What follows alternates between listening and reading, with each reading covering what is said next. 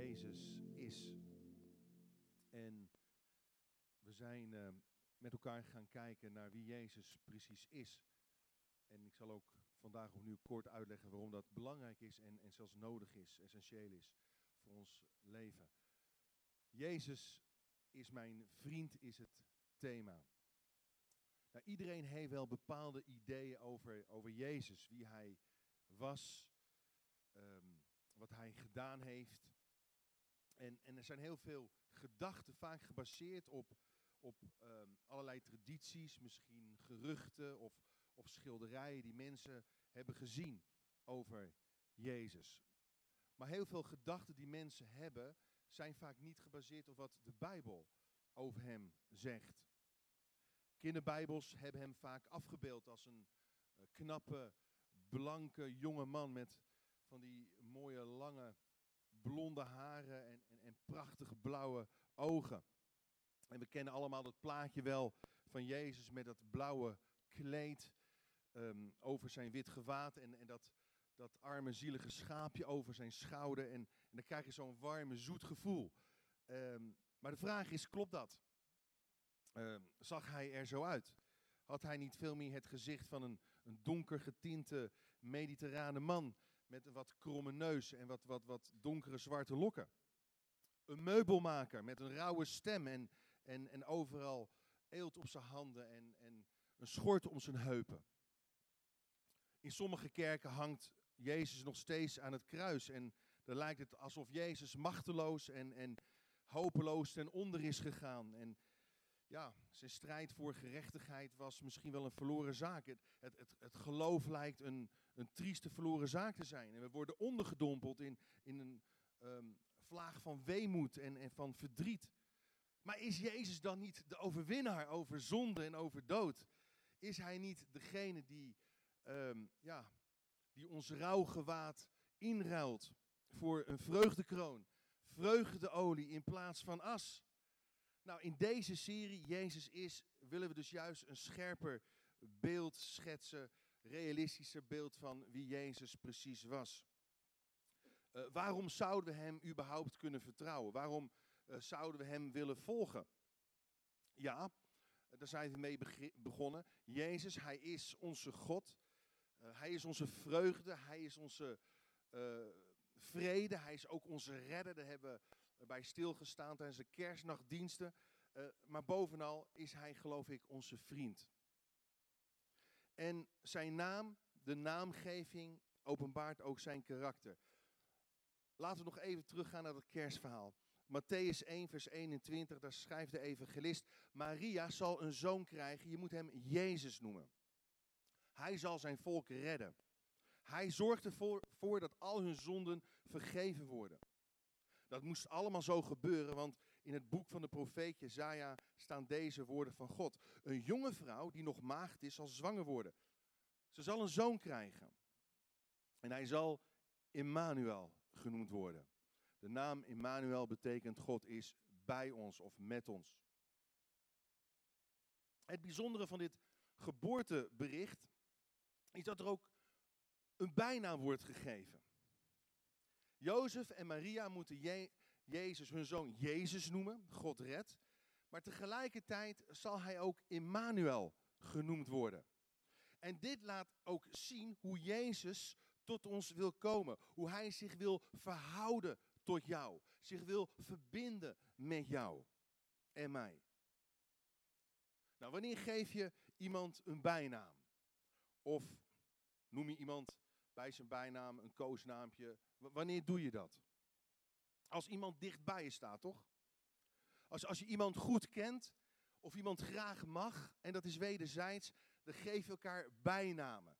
Zonder dat je gekwetst wordt en dat soort zaken. En we, geven ook onze kinderen vaak bijnamen, of niet? Wie heeft zijn kids wel eens van die bijnaampjes gegeven?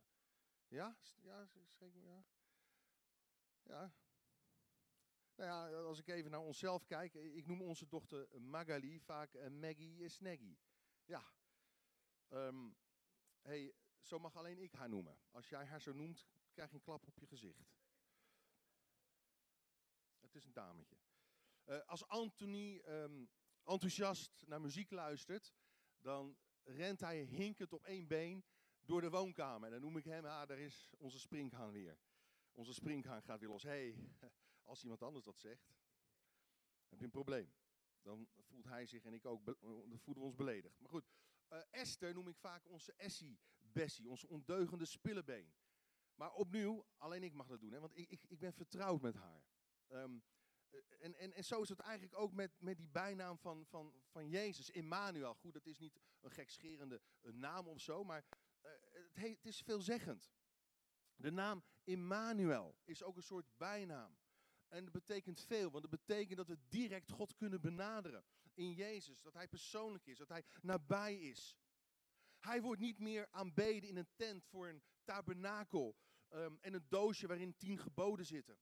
Hij wordt niet meer aanbeden nadat er eerst in een tempel allerlei rituelen moeten plaatsvinden en, en offers moeten worden uh, gebracht. Nee, door Jezus' offer aan het kruis is God met ons.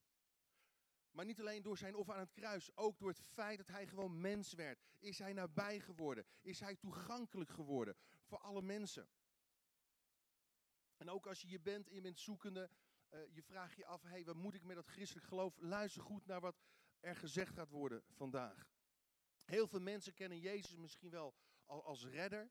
Um, of geloven misschien ook wel dat hij voor een zonde gestorven is. Maar ja, accepteren dat, dat hij met hen is. Dat hij elke dag heel concreet werkelijk bij hen is. Dat is ons moeilijk te begrijpen, moeilijk te vatten. Dat hij elke dag concreet Immanuel voor jou wil zijn. Hey, ja, hoe zit dat? Nou, in de theologie wordt vaak gesproken over het feit dat Jezus zowel ten volle God was als ten volle mens. En Jezus is het beeld van de onzichtbare God.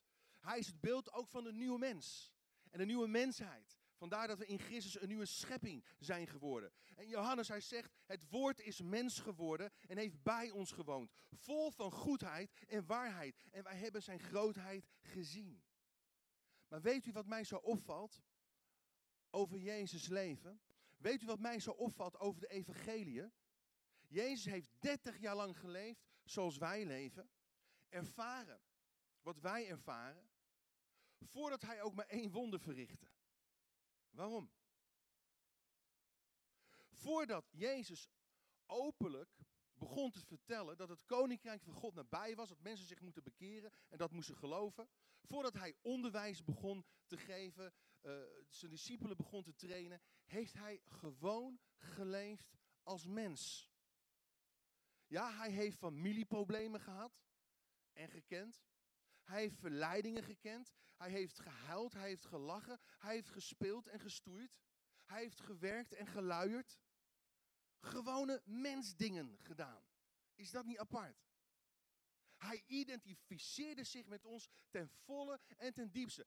30 jaar lang heeft hij alleen maar gewone mensdingen gedaan. Geen enkele andere godsdienst, ik je zeggen, heeft zo'n God. Het christendom geeft God een menselijk gezicht en een goddelijke glimlach. Naar jou en mij toe. Lees u mee en vult u mee in. De menswording van God betekent dat Jezus zich met ons identificeerde. En daar was het Jezus allereerst om te doen. Daar was het God allereerst om te doen. Hij kwam bij ons als mens om zich met ons te kunnen relateren, identificeren. Om één met ons te worden. En de doop betekent dat wij ons met Jezus gaan identificeren. Door de doop laten we zien dat we met Hem mede gekruisigd zijn en mede zijn opgewekt. Kijk hoe Paulus dit briljant beschrijft in Romeinen 6, vers 3. Meteen een stukje preek uit, het doop uitleg. Over wat er straks gaat gebeuren. Door de doop die ons één maakte met Christus Jezus, werd zijn dood ook onze dood. Dat weet u toch wel?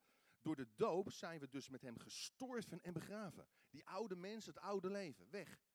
En zoals Christus uit de dood is opgewekt door de verheven macht van de Vader, zo gaan ook wij een nieuw leven leiden.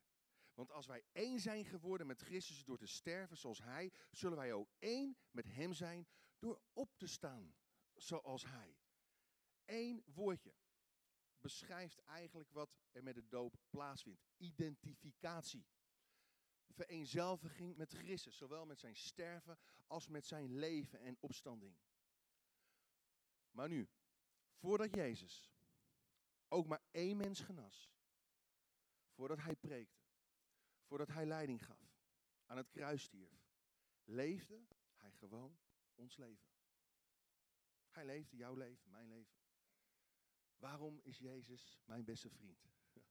Daarom, luister. Allereerst, Jezus is mijn vriend. Want hij is te vertrouwen in moeilijkheden. Vult hem in. Hij is te vertrouwen in moeilijkheden. Hij begrijpt mijn moeilijkheden. Hij begrijpt waar ik doorheen ga. Wat het ook is. Ook al zijn we Gods kinderen, we weten allemaal, we zijn toch zwakke en, en, en sterfelijke mensen. Jezus werd mens als wij en hij is gestorven. Alleen zo kon hij eigenlijk de duivel vernietigen die de macht had over de dood. En in Hebreeën staat er dit. Lees u mee, Hebreeën 2, vers 14. En daarom, dus om die reden, moest hij een mens worden, precies zoals wij. Om ons ook te bevrijden van de angst voor de dood. En, en om ons los te maken van, van, van de slavernij. De slavernij van misschien gewoontes die, die destructief zijn, vernietigend zijn. De oude mens. Maar nu is hij onze hoge priester op wie we kunnen vertrouwen. En die medelijden met ons heeft. Hij zorgt ervoor dat God onze zonde vergeeft. En als wij in moeilijkheden komen, kan Jezus ons helpen. Juist omdat hij zelf zoveel heeft moeten lijden. Juist omdat hij zelf zoveel heeft moeten lijden. Zo kun je ook de klemtoon, klemtoon. Ja, ja, u begrijpt ik bedoel. Omdat hij zelf zo heeft moeten lijden. dus met, met andere woorden, de mate waarin jij iets doorleefd hebt, verhoogt ook de mate van je vermogen om met iemand mee te voelen. Daarom kan Jezus in alle opzichten met ons meevoelen. En je capaciteit om invoelend te zijn in het leed van een ander wordt dus grotendeels bepaald door het leed dat je zelf hebt ervaren. We weten allemaal dat als je een, familielid of een goede vriend verloren hebt, dan, dan, dan begrijp je wat een ander voelt die dat ook meemaakt. Iemand die ernstig ziek is geweest, chemokuren heeft ondergaan, kan als geen ander meevoelen als een ander er ook doorheen gaat. Het gaat eigenlijk verder, dat meevoelen wat hier staat, ook in het Grieks, gaat verder dan zeggen, ach wat naar voor je, wat vervelend toch. Ik leef met je mee. Het gaat veel verder. Omdat Jezus zelf zoveel heeft moeten lijden, kan Hij jou begrijpen in jouw problemen, in jouw moeilijkheden. Kan Hij ons helpen als wij in problemen terechtkomen. Ja, Jezus, hij zit nu aan de rechterhand van God de Vader. Hij zit op de troon. Maar degene die op de troon zit, voelt niet alleen met je mee. Hij bidt met je mee. Hij leeft met je mee. Hij komt ook nog in actie. Wat doet hij? Wat doet hij aan de rechterhand van de Vader? Hij komt voor jou op bij de Vader. Hij is je advocaat.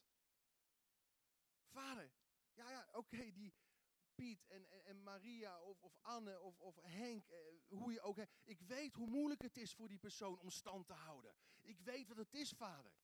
Laten we, laten we nog even geduld, geduld met die persoon hebben. Laten we die persoon helpen.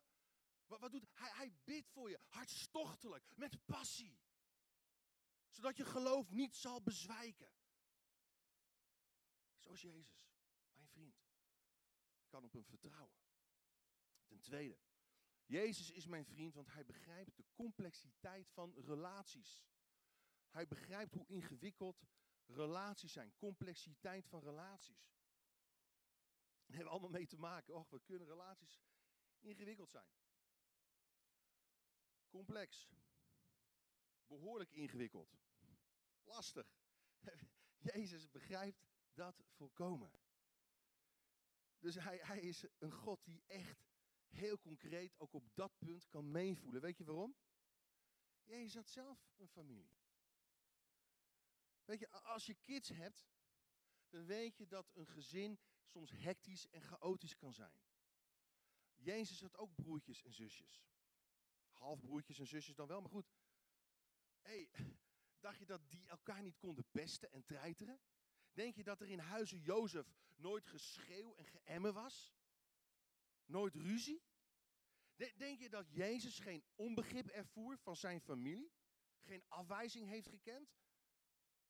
Ja, je moet denken van je familie moet je het hebben. Zij begrijpen je wel, maar lees u even mee. Marcus 6 vers 3. Wat zeiden de mensen ook, ook waar hij vandaan kwam, in, in, in, het dorp waar hij vandaan kwam? Is hij niet de timmerman, de zoon van Maria, eh, en de broer van Jacobus, Jozef, Judas en Simon. En zijn zusters wonen die hier ook niet. En dan staat ze ergerden zich aan hem. Maar Jezus zei tegen hen, een profeet is overal geëerd, behalve in zijn eigen stad en bij zijn familie. Weet je, Jezus kon zelfs geen enkel wonder doen in zijn eigen stad of in zijn eigen dorp, omdat ze dachten, wat kan er nou voor goeds uit Nazareth komen? Hij was te vertrouwd geworden met hen. En ze konden niet door de gewone en natuurlijke omstandigheden heen prikken om het bovennatuurlijke van Jezus te zien. En ze ergerden zich, ze irriteerden zich aan Jezus, zelfs toen hij boze geesten ging uitdrijven. Zelfs zijn eigen familie wilde hem tegenhouden om zieken te genezen. Marcus 3, vers 21, lees mee. Ook de familie van Jezus hoorde wat er allemaal gebeurde. En ze gingen op weg om hem met zich mee te nemen. En er staat met geweld mee te nemen. Jezus ophouden nu. Dit, dit, dit is, nee, plaatsvervangende schaamte hebben we voor jou. Dat, dat gaan we dus niet doen, Jezus. Want ze dachten, hij is gek geworden. Zijn eigen familie. Als je denkt dat iemand hem had moeten geloven, dan was dat dus zijn familie, toch? Maar ze verklaarden hem letterlijk voor gek. Hij is buiten zijn zinnen, staat er. Hé, hey, Jezus kan je vriend zijn als je het moeilijk hebt. In je relaties. hij begrijpt dat. E, even een nuancering. Dat betekent niet dat hij je overal gelijk ingeeft. Of dat het gelijk dan ook aan jouw kant staat in, in alle opzichten. Nee, nee. Maar je kunt wel tegen hem aanpraten. Je kunt wel je hart bij hem luchten. Als geen ander. Bij hem. En dan ten derde. Jezus is mijn vriend, want hij begrijpt het leven en haar beproevingen. Oftewel verzoekingen. Hij begrijpt het leven. Hij is de God die het leven begrijpt. Niet de God van ver af, van ver weg. Hij begrijpt het leven. Weet je, Jezus had ook een baan. Op zijn dertiende ging Jezus eigenlijk al werken. Volgens de bar mitzwa, betekent de zoon van gebod in, in het Jodom. Weet je, als je dertien werd, werd je de zoon van het gebod. Werd je ook beschouwd als volwassene en kon je al aan het werk. Luister goed, Jezus heeft dus eigenlijk zo'n 18 jaar van zijn leven, 17, 18 jaar van zijn leven, een gewone baan gehad. Voordat hij zijn bediening begon. Slechts drie jaar van zijn leven besteedde Jezus aan zijn missie. Drie jaar. Dus Jezus heeft zes keer zoveel tijd doorgebracht in het timmerwerkplaats van zijn vader Jozef dan in de verkondiging van het evangelie. Zes keer zoveel. Gewone, opnieuw gewone mensdingen gedaan. Gewoon gewerkt. Hij, groeide niet op binnen de veilige muren van een klooster. En ik, ik doe niks af aan het belang van soms het klooster ingaan. Ik heb dat ook wel eens gedaan. Maar hey, hij stond met beide benen in de samenleving. Hij trok zich niet terug. Hij trok zich niet terug. Lekker veilig. Nee, hij stapte het leven in. En hij ging leven. En hij verwacht van ons hetzelfde te doen. Weet je, dit gaat zo in tegen die traditionele kinderbijbelplaatjes van, van die blonde Jezus met een aurora boven zijn hoofd. Dat slaat helemaal nergens op. Want het grootste gedeelte van zijn leven had hij gewoon een stoere Levi spijkerbroek aan. Geloof me. Met een hamer, een stoere hamer in zijn hand. Hij had geen zaagmachine ter beschikking, maar een handzaag. Hij reed niet rond in een limousine, maar hij deed alles te voet. Het was een bikkel. Hij, hij had echt niet van die zachte, schattige babyhandjes. Waar die kleine spijkjes, doorheen gingen. Nee, had ruwe mannelijke handen vol eelt en blaren. Waar grote spijkers van 10, 12 centimeter doorheen werden gejast. Ook hij, hij wist wat het was als mensen gingen klagen op, op, op het werk. Als, als mensen misschien hun, hun meubels niet afbetaalden. Als er geroddeld werd, als, als er achterklap was. En, en aan de andere kant, hij, hij hield ook van feestjes. Hij zocht regelmatig feestjes op. En hij was bevriend met de hoeren en met de tollenaars. Hij zocht ze op.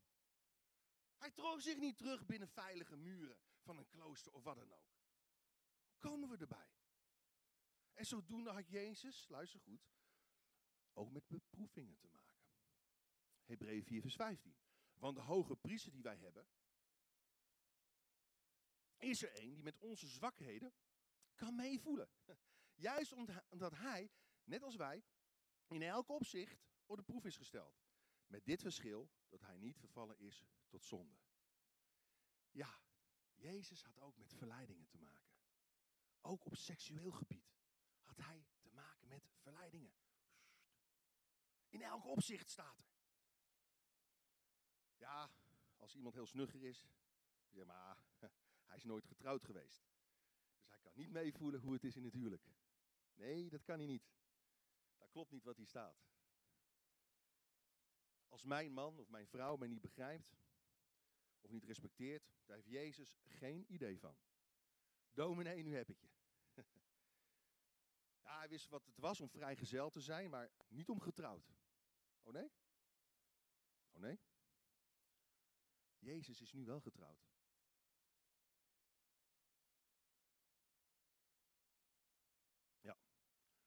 Hij is namelijk de bruidegom en de kerk zijn bruid.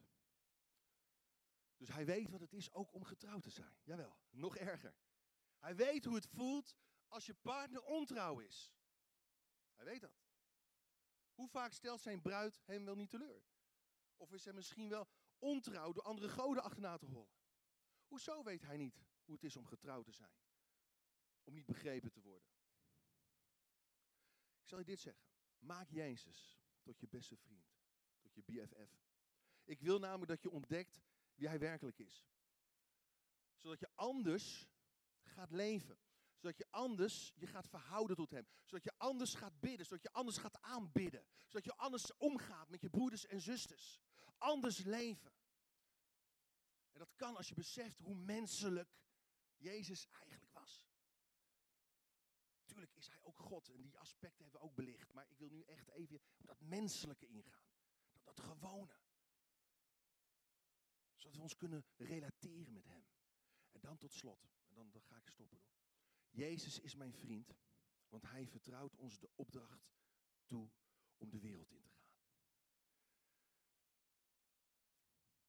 Dat is misschien soms wel mijn stokpaardje, zeggen mensen, evangelisatie. Maar oh, dat, is, dat heeft zo mijn hart. Want dit, hier gaat het om, hè. Jezus is mijn, hij vertrouwt mij de geheimenissen van het koninkrijk toe.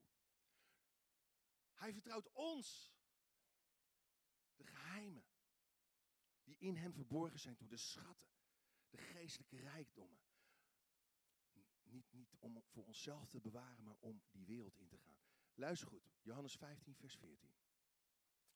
Jullie zijn mijn vrienden als jullie doen wat ik van je vraag.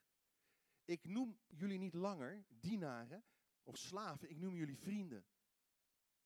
Dat zegt hij tegen alle mensen, ook tegen de dopelingen, voor maar alle mensen die hem willen volgen. Want dienaren weten niet alles van hun Heer. Maar aan jullie heb ik alles bekendgemaakt wat ik van mijn vader gehoord heb. En ik geef jullie de opdracht om de wereld in te gaan.